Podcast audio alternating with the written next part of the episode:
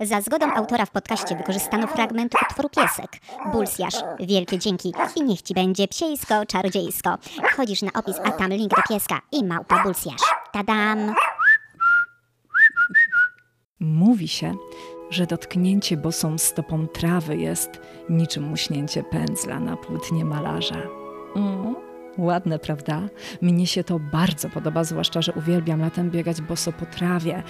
Kontakt z przyrodą daje nam siłę, daje nam energię, a także wprowadza w nasze życie spokój, wprowadza harmonię. I dziś, pomimo, że dni stają się coraz krótsze, a pogoda coraz częściej zachęca do pozostania w domu, tak jak mnie dzisiaj, bo nagrywam to, kiedy za oknem leje deszcz, to na szczęście mamy sztukę, a po jej ogrodach możemy spacerować do woli.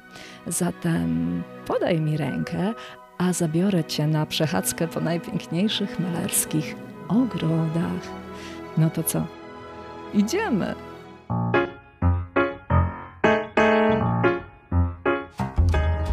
Czy kwiaty mogą budzić zgorszenie? Skąd wzięła się monstrualna ważka na obrazie? I dlaczego zalotnica z huśtawki zadziera nogę? O tym wszystkim opowiem już za moment. Nazywam się Agnieszka Kijas i jestem krytykiem sztuki, a ty słuchasz 77 odcinka podcastu z serii Dawno temu w sztuce, czyli wszystko, co chcesz wiedzieć o malarstwie, ale bez nadęcia. Dzień, dobry wieczór, witam się z Tobą w ten sposób, moja droga słuchaczko i mój drogi słuchaczu, ponieważ nie mam zielonego pojęcia, o której godzinie słuchasz tego podcastu. I wiesz co, i wiesz co, i wiesz co? Matko, jak ja już chciałam to powiedzieć, bo bardzo, bardzo się za Tobą stęskniłam. Ostatnio na kanał wpadało dużo wywiadów i choć uwielbiam rozmawiać o sztuce z moimi gośćmi i nawet wiem, że już wkrótce zagości tu wywiad z malarzem, z malarzem z Włoch, to jednak brakowało mi już odcinka solo. Wiesz, tak żebym mogła spotkać się tylko z tobą, sam na sam, w zaciszu. Nie, nie mojej szafy, nie szafy, ponieważ z tego miejsca uroczyście ogłaszam, że Wyszłam z szafy, nie mam mnie już tam, nie siedzę w szafie, siedzę sobie przy wygodnym biurku, mówię do super nowego mikrofonu, który jest zamontowany na wygodnym ramieniu. I teraz taka próba, zobacz co ja mogę robić. Mogę robić tak, złapałam teraz za to ramię i tak sobie mówię, albo tak daleko. No po prostu ten mikrofon jest niesamowity, a to ramię też stwarza mega fajne możliwości, które oczywiście będę w trakcie nagrywania wykorzystywała.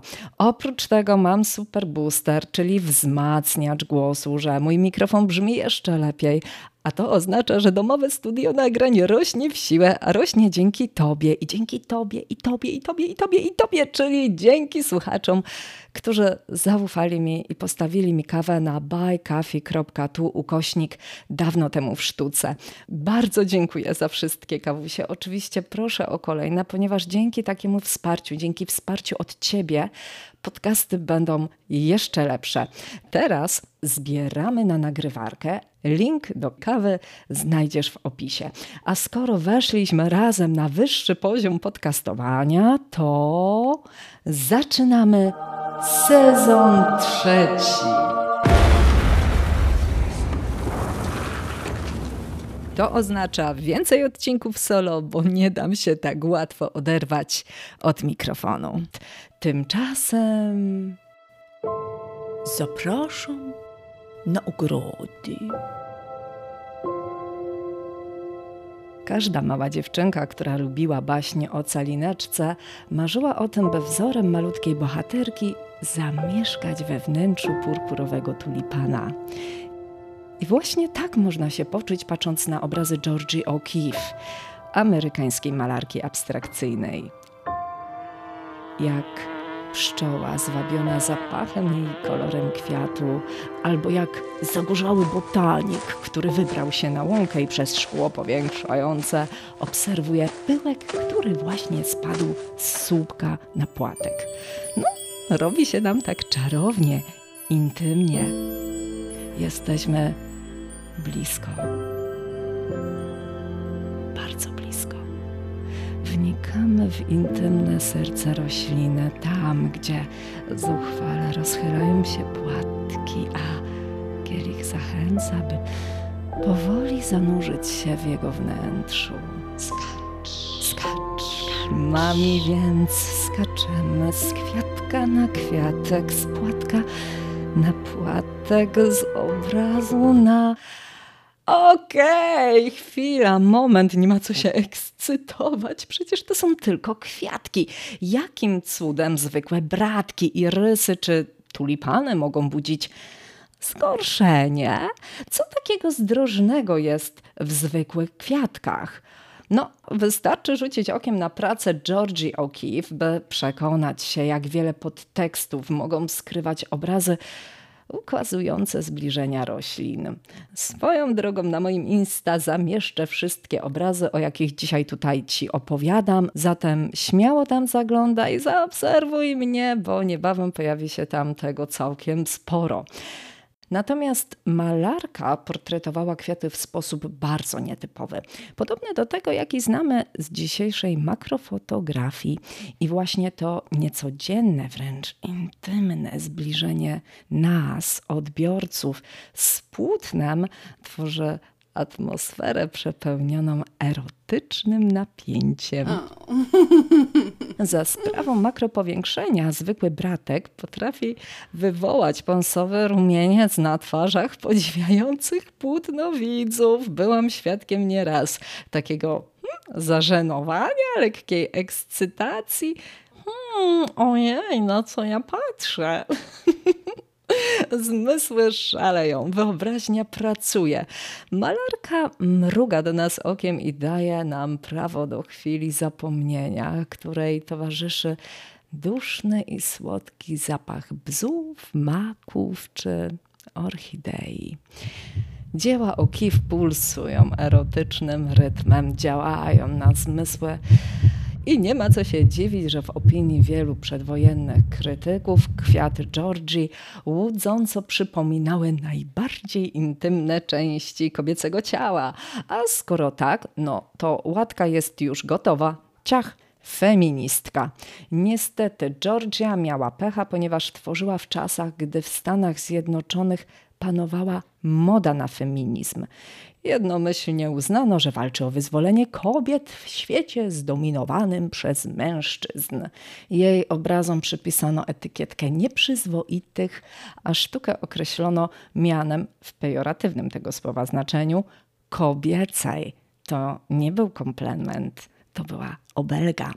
Sama autorka odcinała się od takiego podejścia, uważała je za krzywdzące, zresztą całkiem słusznie, i mocno spłycające artystyczny przekaz. W katalogu, jaki stworzyła przy okazji jednej z wystaw, tłumaczyła. Jeśli namalowałabym kwiat dokładnie tak, jak go widzę, nikt nie dostrzegłby, co widzę, gdyż namalowałabym go tak małym, jakim w istocie jest. Zdecydowałam więc. Namaluję to, co widzę, to, czym kwiat jest dla mnie, ale namaluję go tak dużym, że zaskoczę wszystkich czasem potrzebnym do obejrzenia go.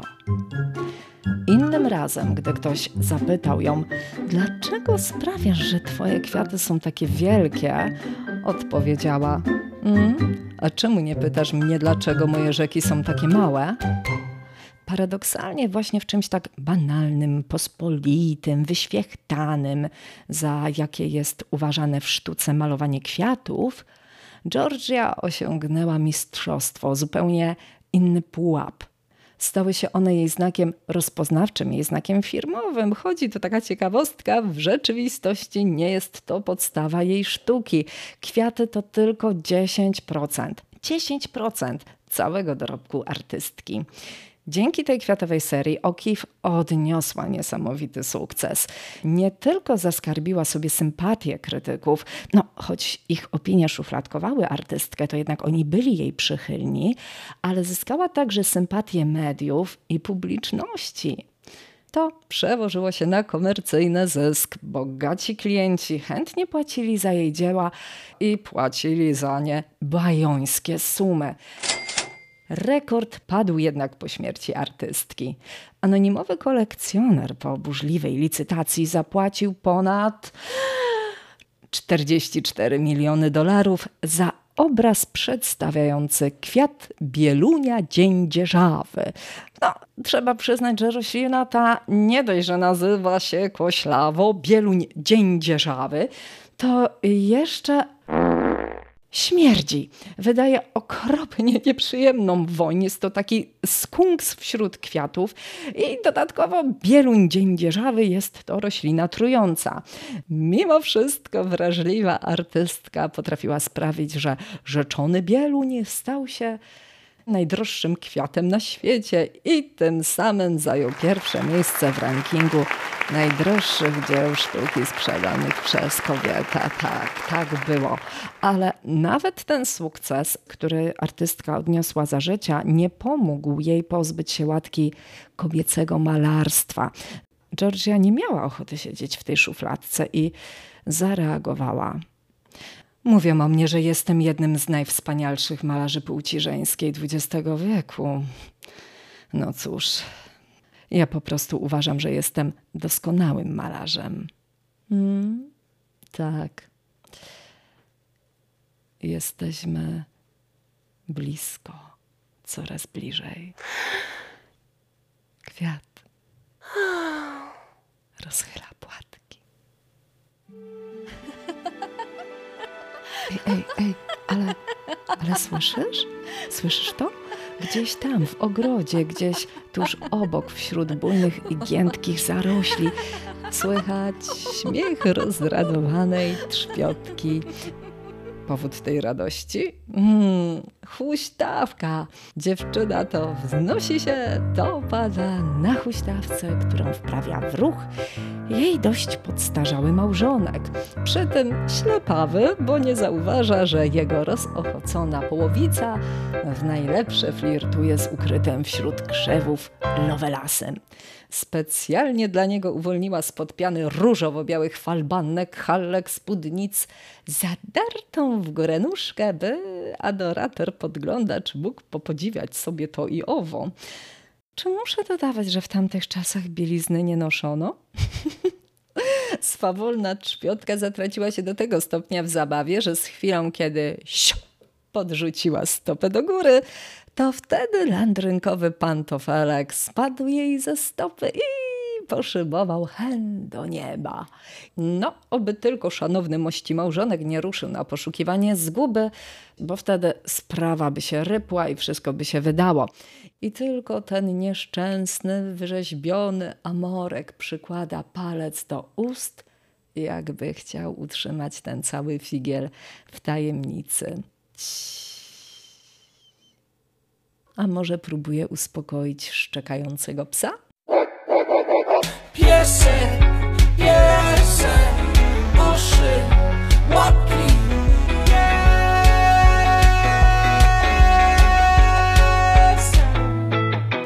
Tutaj piesek został namalowany nie jako symbol przyjaźni, a jako symbol wierności małżeńskiej, bo tak w tamtych czasach odczytywano jego znaczenie.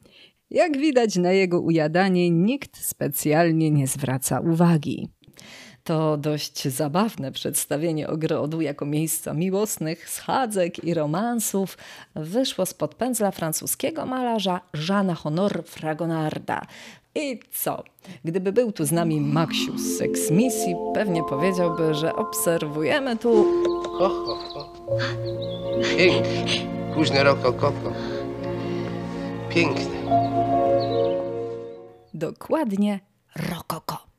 Wiesz, rokoko to taki jeden z najbardziej niedocenianych gatunków w sztuce. Takie, no, takie kiczowate, takie wylejakie, bo często te kolorowe obrazki traktujemy, no właśnie, jako kicz. No bo na co my tutaj patrzymy? Od naumizgi wypacykowanych damuleczek i lukrowanych kokusiów arystokratów z tymi wszystkimi falbaneczkami, koroneczkami w pastelowych kolorach i hasają oni sobie w miłosnym uniesieniu na zielonej łące. Rozumiesz, co mam na myśli? To jest zbyt lekkie, zbyt łatwe, zbyt przyjemne, czyli banał, banał jednym słowem. Tylko, że aby zrozumieć rokoko, musimy zrozumieć, skąd ono się wzięło i co było przed rokoko, co było wcześniej, dlaczego ten banał był sztuce w tym momencie tak bardzo potrzebny. A wcześniej w Wersalu był Ludwik XIV i e, trzymał on cały dwór w szachu na krótkiej smyczy. Szlachta musiała chodzić przy nim jak w zegarku i schlebiać królowi. Wszystko, co król powiedział, to było Fabulous. Nawet oddychać trzeba było zgodnie z protokołem. Wdech, wydech. No, dlatego, kiedy królowi się zeszło, nikt po nim specjalnie nie płakał, a arystokracja, która dotychczas wszystko musiała robić na wdechu, teraz mogła spuścić powietrze. To było jak, jak wyjście z klatki. Z ulgą pożegnano barokowe, ciężkie płótna i ich równie ciężki przekaz, czyli zadumę nad życiem wiecznym. Temu powiedziano dość, dość patosu, dość śmierci. Jednym słowem, wolność. Od teraz życie nabiera kolorów, bo skoro jest ono ulotne, to zamiast umartwiać się, Wyciskajmy z niego soki bez reszty, oddajmy się przyjemności i to już, zróbmy to natychmiast, od zaraz. I tak się bawiła arystokracja, bo wreszcie mogli. Dlatego mamy te tańce, umizgi, zaloty, flirty, romanse, robimy to powierzchownie, nie za głęboko, niezbyt serio, no bo jeszcze ktoś pomyśli, że chodzi tu o głębsze uczucie, a tu przecież chodzi o przyjemność. I właśnie tę figlarną przyjemność widzimy na huśtawce Fragonarda. Ale ten obraz ma jeszcze jedno ukryte znaczenie. Otóż widzimy na nim trzy prawdziwe postacie. Zleceniodawcę, czyli to ten ukryty w krzakach fircyk, a także jego kochankę, która z rozkoszą buja się na huśtawce, a tak się składa, że no, huśtawka była w tamtym czasie symbolem miłosnego uniesienia. Góra, dół, góra, dół. No chyba więcej nie muszę mówić, ale huśtawka sama w sobie nie wzbudzałaby takich kontrowersji, gdyby nie fakt, że trzecią osobą na obrazie, niejako zdradzonym mężem, jest biskup. Biskup! Pragnąłbym, by zechciał pan namalować panią na huśtawce, którą wprawiałby w ruch pewien biskup. Mnie umieściłby pan tak, bym mógł widzieć nogi tej ślicznej istoty, a nawet i więcej, gdyby chciał pan rozweselić obraz. Z taką prośbą zwrócił się zleceniodawca do pierwszego malarza, któremu zaproponował namalowanie huśtawki. On jednak był dość religijny i z obawy, że rozgniewa duchowieństwo, wykręcił się sianem, ale zrobił to na tyle dyplomatycznie, że w zamian polecił Fragonarda, ponieważ on jest jeszcze większym mistrzem w tego typu tematach. Żeby nie narobić sobie problemów, a jednocześnie, żeby nie stracić zlecenia, Fragonard i owszem namalował biskupa, ale dla niepoznaki w cywilnym wdzianku. I tak to się buja od lat. Ale, ale teraz to nie ma znaczenia. Teraz ruszamy w pogoń za ważką, która zaprowadzi nas wprost do tajemniczego sadu. A może raczej raju, co sugeruje baśniowa jabłoń, która niczym królowa góruje nad sielskim, ukwieconym sadem. Tylko co tu robi ta wystrojona w ludowy strój kobieta? Co tu robi ten nagi chłopiec? Ba! Co tu robi ta ważka?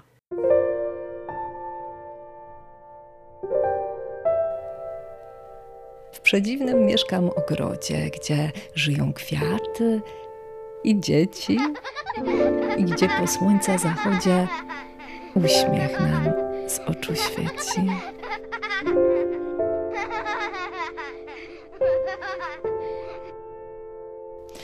Tymi słowami Leopold Staff, wybitny polski poeta, rozpoczął jeden ze swoich wierszy.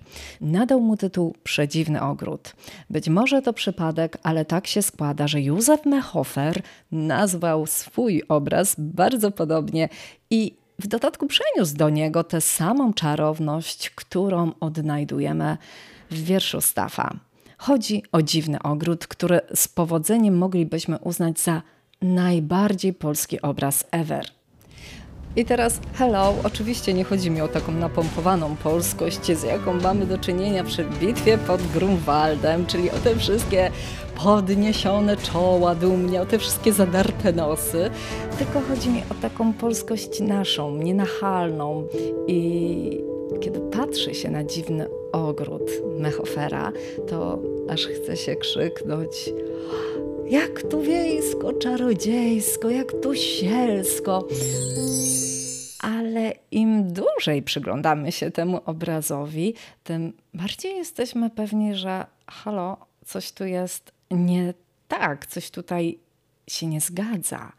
I żeby pozbyć się tego wrażenia lekkiego zagubienia, o co kaman, o co chodzi, musimy po kolei rozebrać ten obraz na kawałki i wiemy już, że jesteśmy w ogrodzie, czy może raczej w sadzie, ale no pytanie brzmi kiedy? Jaka to jest pora roku?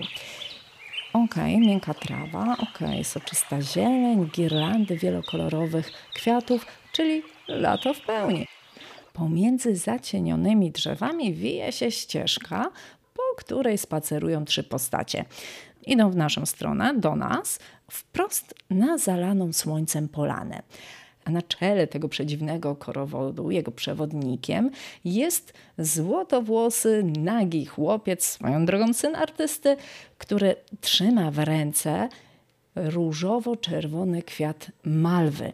Jego skóra to znaczy tego chłopca, nie kwiatu, wręcz promienieje odbitym słonecznym blaskiem, co jeszcze bardziej podkreśla jego niewinność, jego czystość i możemy wręcz pomyśleć, że to nie jest chłopiec, tylko aniołek, taki cherubinek.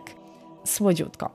Za świetlistym chłopcem podąża kobieta. Domyślamy się, że to jest jego matka, a na pewno wiemy, że jest to żona malarza. Ubrana jest ona w gustowny kapelusz, ma taką przepiękną, szafirową i bardzo szykowną suknię. Swoją drogą nie sądzę, żeby w takich sukniach spacerowało się po ogrodach, czyli mamy tutaj jakiś dysonans. Ona jest zbyt elegancka jak na popołudnie w ogrodzie, w sadzie i w przeciwieństwie do syna nie jest w świetle. Przystanęła w cieniu i jedynie ta suknia, fałdy tej sukni na dole błyszczą się i skrzą w słonecznych promieniach. No to jest mistrzostwo świata, jeżeli chodzi o sposób, w jaki zostało to namalowane. Kobieta nie spuszcza z nas wzroku, jest czujna i niczym biblijna Ewa sięga po uwieszony na gałęzi jabłoni owoc. Zerwać, nie zerwać. Masz ochotę? Chcesz się poczęstować? Tak jakby pytała. Na samym końcu tego przedziwnego korowodu, za matką, za nagim chłopcem, idzie ostatnia postać, ostatnia bohaterka obrazu, piastunka, opiekunka chłopca. Wyróżnia ją ludowy strój, czerwony kaftan, krakowska chusta i długa biała spódnica, która silnie kontrastuje i silnie wybija się z wszechobecnej zieleni ogrodu. Niemniej tym, co od samego początku przykuwa naszą uwagę, nie jest ani nagi brzdąc, ani towarzyszące mu kobiety, a bezwzględny zabójca. Ważka Ważka głównie z racji swoich eterycznych i przezroczystych skrzydeł kojarzy się z delikatnością, ale to tylko pozory, bo w rzeczywistości inne owady naprawdę mają się czego bać.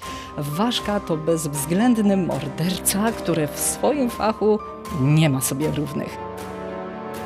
I właśnie ten zabójca, owadzi zabójca, zawładnął jedną trzecią powierzchni płótna Józefa Mechofera. To olbrzymich rozmiarów złocista ważka, która wygląda jakby doczepiona, wręcz doklejona do obrazu.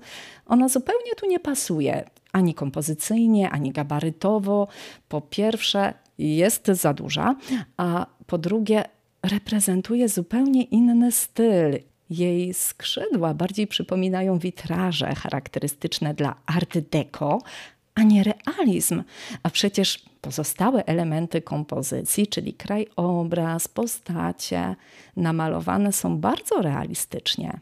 I to sprawia, że ważka, która jest przecież częstym gościem w ogrodach, w sadach, w tym przypadku wydaje się wyjątkowo oderwana od rzeczywistości.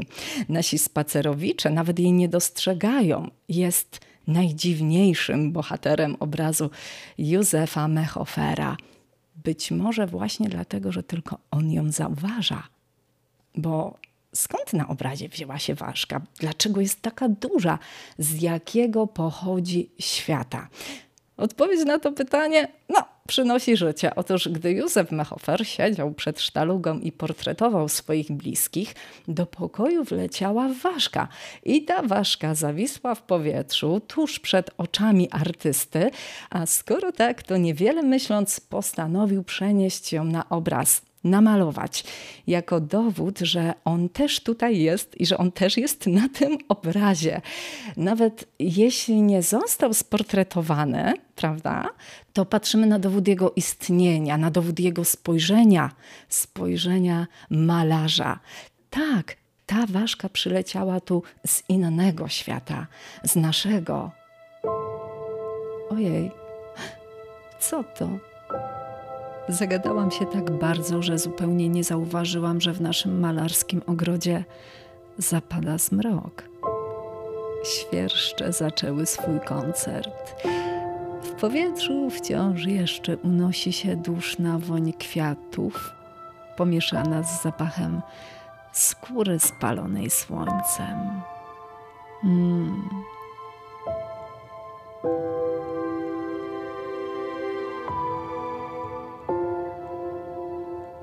Znasz to uczucie, prawda? To błogość.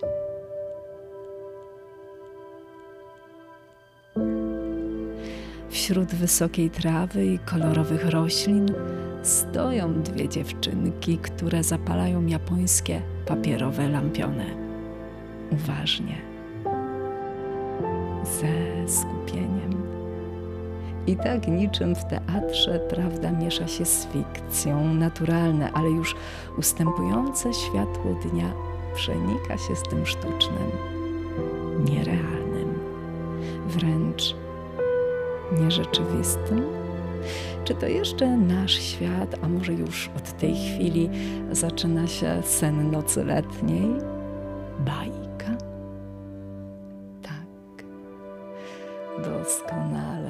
To uczucie.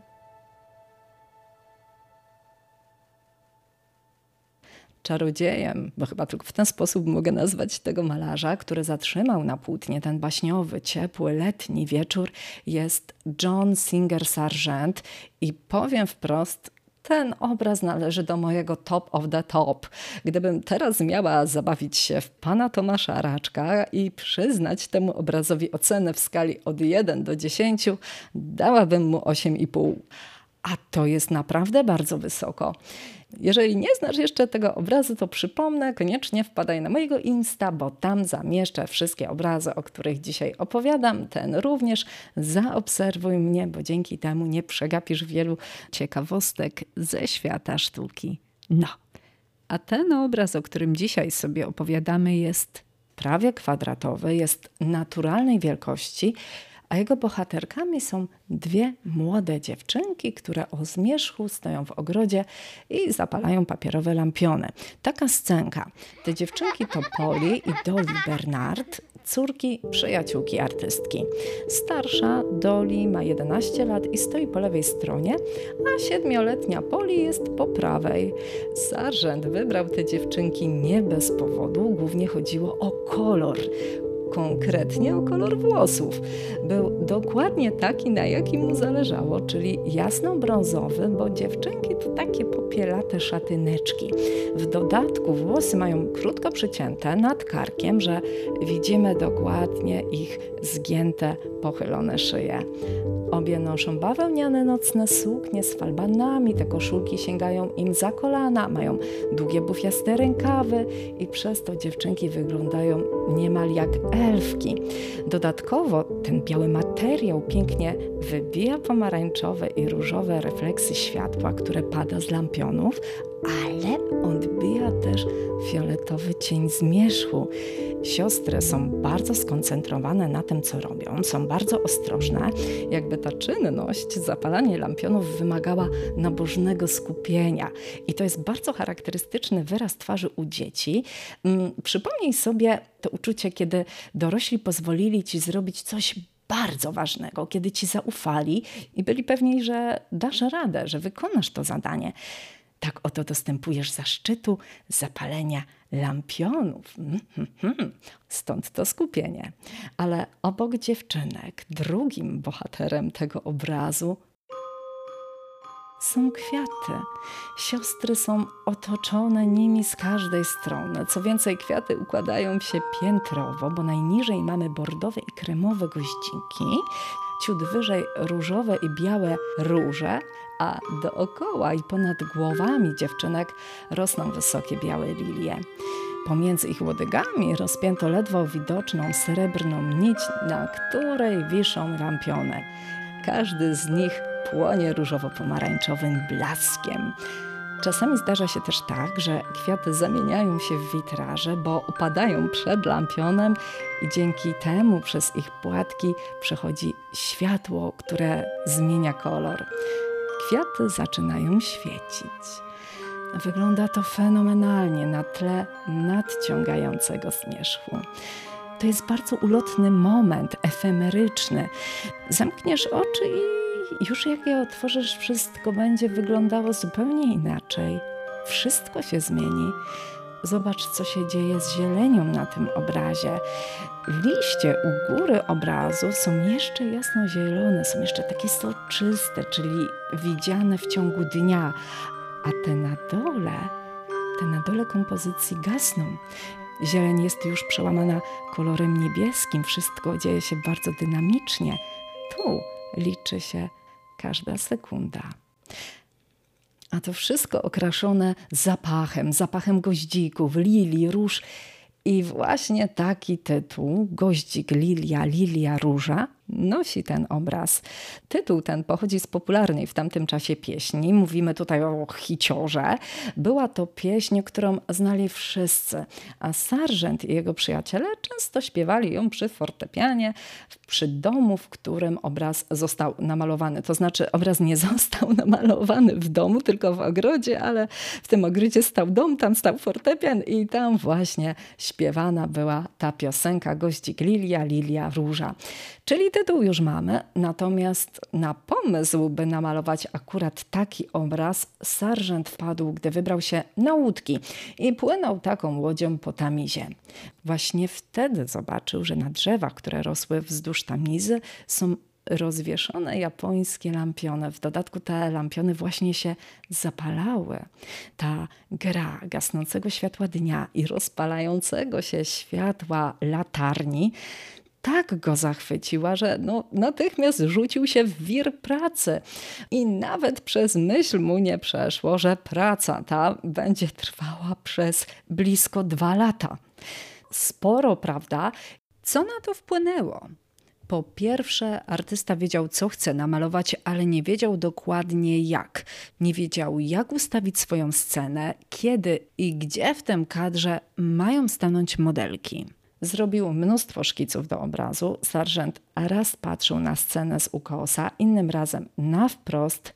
Dziewczynki a to są w oddali, a to na pierwszym planie lub nawet malarz ustawiał je do siebie plecami. Jest takie studium na dodatek w oleju.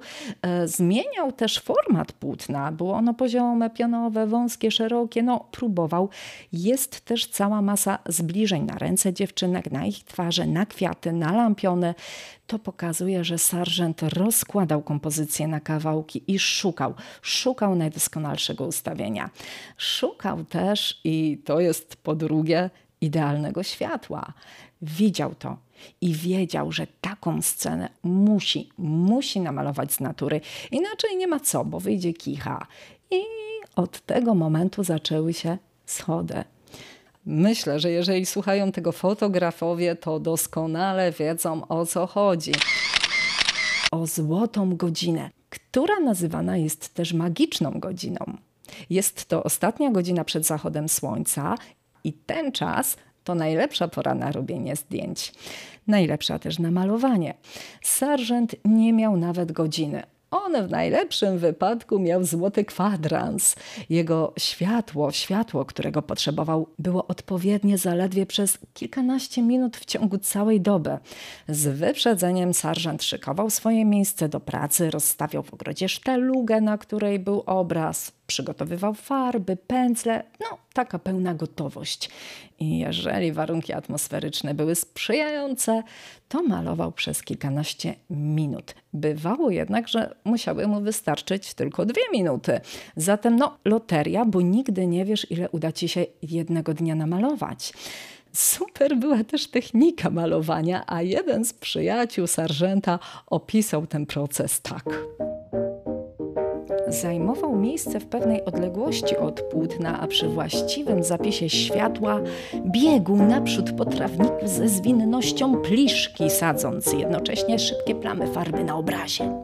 A potem znów się wycofywał z równą gwałtownością, by powtórzyć akcję pliszka. Wszystko to zajmowało zaledwie dwie lub trzy minuty, gdy światło szybko słabło.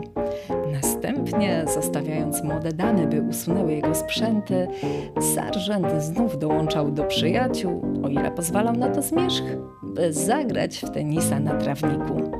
Nazajutrz zeskrobywał większość pracy z poprzedniego wieczoru i zaczynał od nowa. To wszystko wzięte do kupy spowodowało, że sarżant musiał poświęcić na swój obraz znacznie więcej czasu niż planował. Początkowo liczył, że zakończy pracę jesienią 1885 roku, ale nie było na to szans i musiał wrócić do namalowania za rok w kolejnym sezonie. Nie starczyło mu lata, w dodatku kwiaty przekwitły, jednak był już tak zdesperowany, żeby dokończyć obraz. No, w końcu jego modelki rosły i stawały się przecież coraz starsze, że zamówił sztuczne kwiaty. Tym sposobem w październiku 1886 roku obraz był wreszcie gotowy. I popatrz, choć droga od pomysłu do realizacji była długa, choć sarżent zmagał się sam ze sobą, ścigał się z czasem, ze światłem, to dzięki wytrwałości, dzięki temu, że nie powiedział, a cholera, mam dość, lub po prostu nie poszedł na łatwiznę, bo przecież mógł namalować to w pracowni, a nie w plenerze. Dzięki temu, dzięki temu, że wytrwał, możesz dziś doświadczać magii kontaktu z magicznym arcydziełem. Sargent dokonał na płótnie niemożliwego. Zatrzymał czas. Sztuka ma taką moc i dzisiaj, kiedy to nagrywam, choć za oknem jest buro, jest szaro, choć pada deszcz, to jednak mam wrażenie, że stoję razem z Tobą, ręka w rękę, pośród dusznego zapachu lilii, gwoździków i róż, a czas się dla nas zatrzymał. Mm. Dziękuję Ci. Dziękuję Ci za ten wspólny czas, za ten spacer po ogrodach sztuki i oczywiście po więcej zapraszam Cię na moje sociale, zwłaszcza na Insta, bo tam niebawem pojawi się wiele malarsko-kwiatowych wątków. Będą obrazy, będą rolki, a wszystkie moje aktywności internetowe nazywają się tak samo, czyli dawno temu w sztuce. Oczywiście daj mi znać, czy dobrze Ci się słuchało tego odcinka, ponieważ jak już powiedziałam, nagrywam go na nowym sprzęcie, którego wciąż się uczę. Mam nadzieję, że słychać różnice i że jest to zmiana na lepsze. Dziękuję wszystkim osobom za wpłaty, jakie wpłynęły na buycoffee.tu ukośnik dawno temu w sztuce, bo dzięki temu, że postawiliście mi tam wirtualną kawę, udało się zakupić mikrofon, udało się zakupić wzmacniacz do tego mikrofonu i profesjonalne ramię. Dzięki temu mikrofon mi się nie przewraca w trakcie nagrywania i nie niszczy się, a tak też się działo. Oczywiście na tym nie koniec. Teraz wspólnie zbieramy na nagrywarkę i wyznam tu wszem i wobec, że do tego celu brakuje już Bardzo niewiele, tyle, no dosłownie ciut, ciut. Raz jeszcze wielkie dzięki. Proszę też o kolejne kawy. Gwarantuję, że wszystkie przeznaczę na rozwój podcastu, by jeszcze milej słuchało ci się odcinków. No i cieszę się, że tu jesteś, wiesz, bo kiedy zaczynałam nagrywać, to nigdy nie przypuszczałam, że przybierze to takie rozmiary, że jest nas tutaj tak dużo, nas, czyli osób zafascynowanych sztuką. Matko, no ja się normalnie teraz wzruszyłam, po prostu chyba to wytnę, no nie wiem, co ja z tym zrobię, ale, ale świadomość, że to, o czym mówię, że mówię o sztuce, trafia do, do tylu ludzi, do, do, do ciebie, no, to jest takie piękne, serce rośnie. Dziękuję ci raz jeszcze. Mówi... Mówiła dla ciebie Agnieszka Kijas, krytyk z sercem do sztuki. Do usłyszenia. O Boże, rozryczałam się normalnie.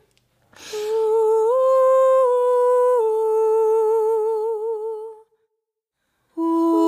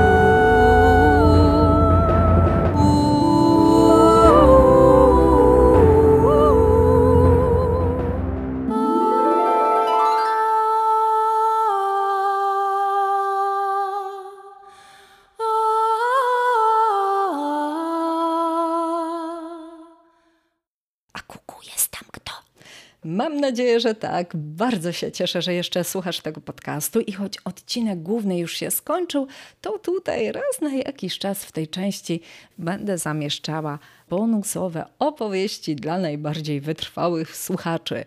I w dzisiejszym ogrodowym odcinku zabrakło malarza, który mówił, że poza malowaniem i ogrodnictwem tak naprawdę nie jestem w niczym dobry. Tym malarzem był ogrodnik Claude Monet i dziś o nim nie opowiadałam, ponieważ poświęciłam mu cały podcast i jest to odcinek dziesiąty. Monet był mistrzem chwytania ulotnej chwili na płótnie, tak jak Sargent, który malował przez kilka minut w ciągu dnia. Tak samo Monet wychodził o świcie tylko po to, by po chwili wrócić do domu z niczym, ponieważ światło było nieodpowiednie i nie dało się malować. Chciał, żebyśmy my ty i ja, patrząc na jego obrazy, widzieli ruch liści na wietrze, widzieli drżenie fal wody, niemal czuli zapach kwiatów. Był w tym doskonały, a najlepiej potwierdza to anegdota, która wydarzyła się podczas jednej z jego wystaw, kiedy to inny malarz, Edgar Degas, popatrzył na jego obraz z cyklu Topole i powiedział: Uciekam, strasznie tu wieje. Jeszcze trochę, a byłbym podniósł kołnierz marynarki. I takiego doświadczenia sztuki Ci życzę, prawdziwego, z podniesionym kołnierzem. No to pa, pa, pa, pa, pa, pa, pa, pa, pa, pa, pa, pa, pa, pa.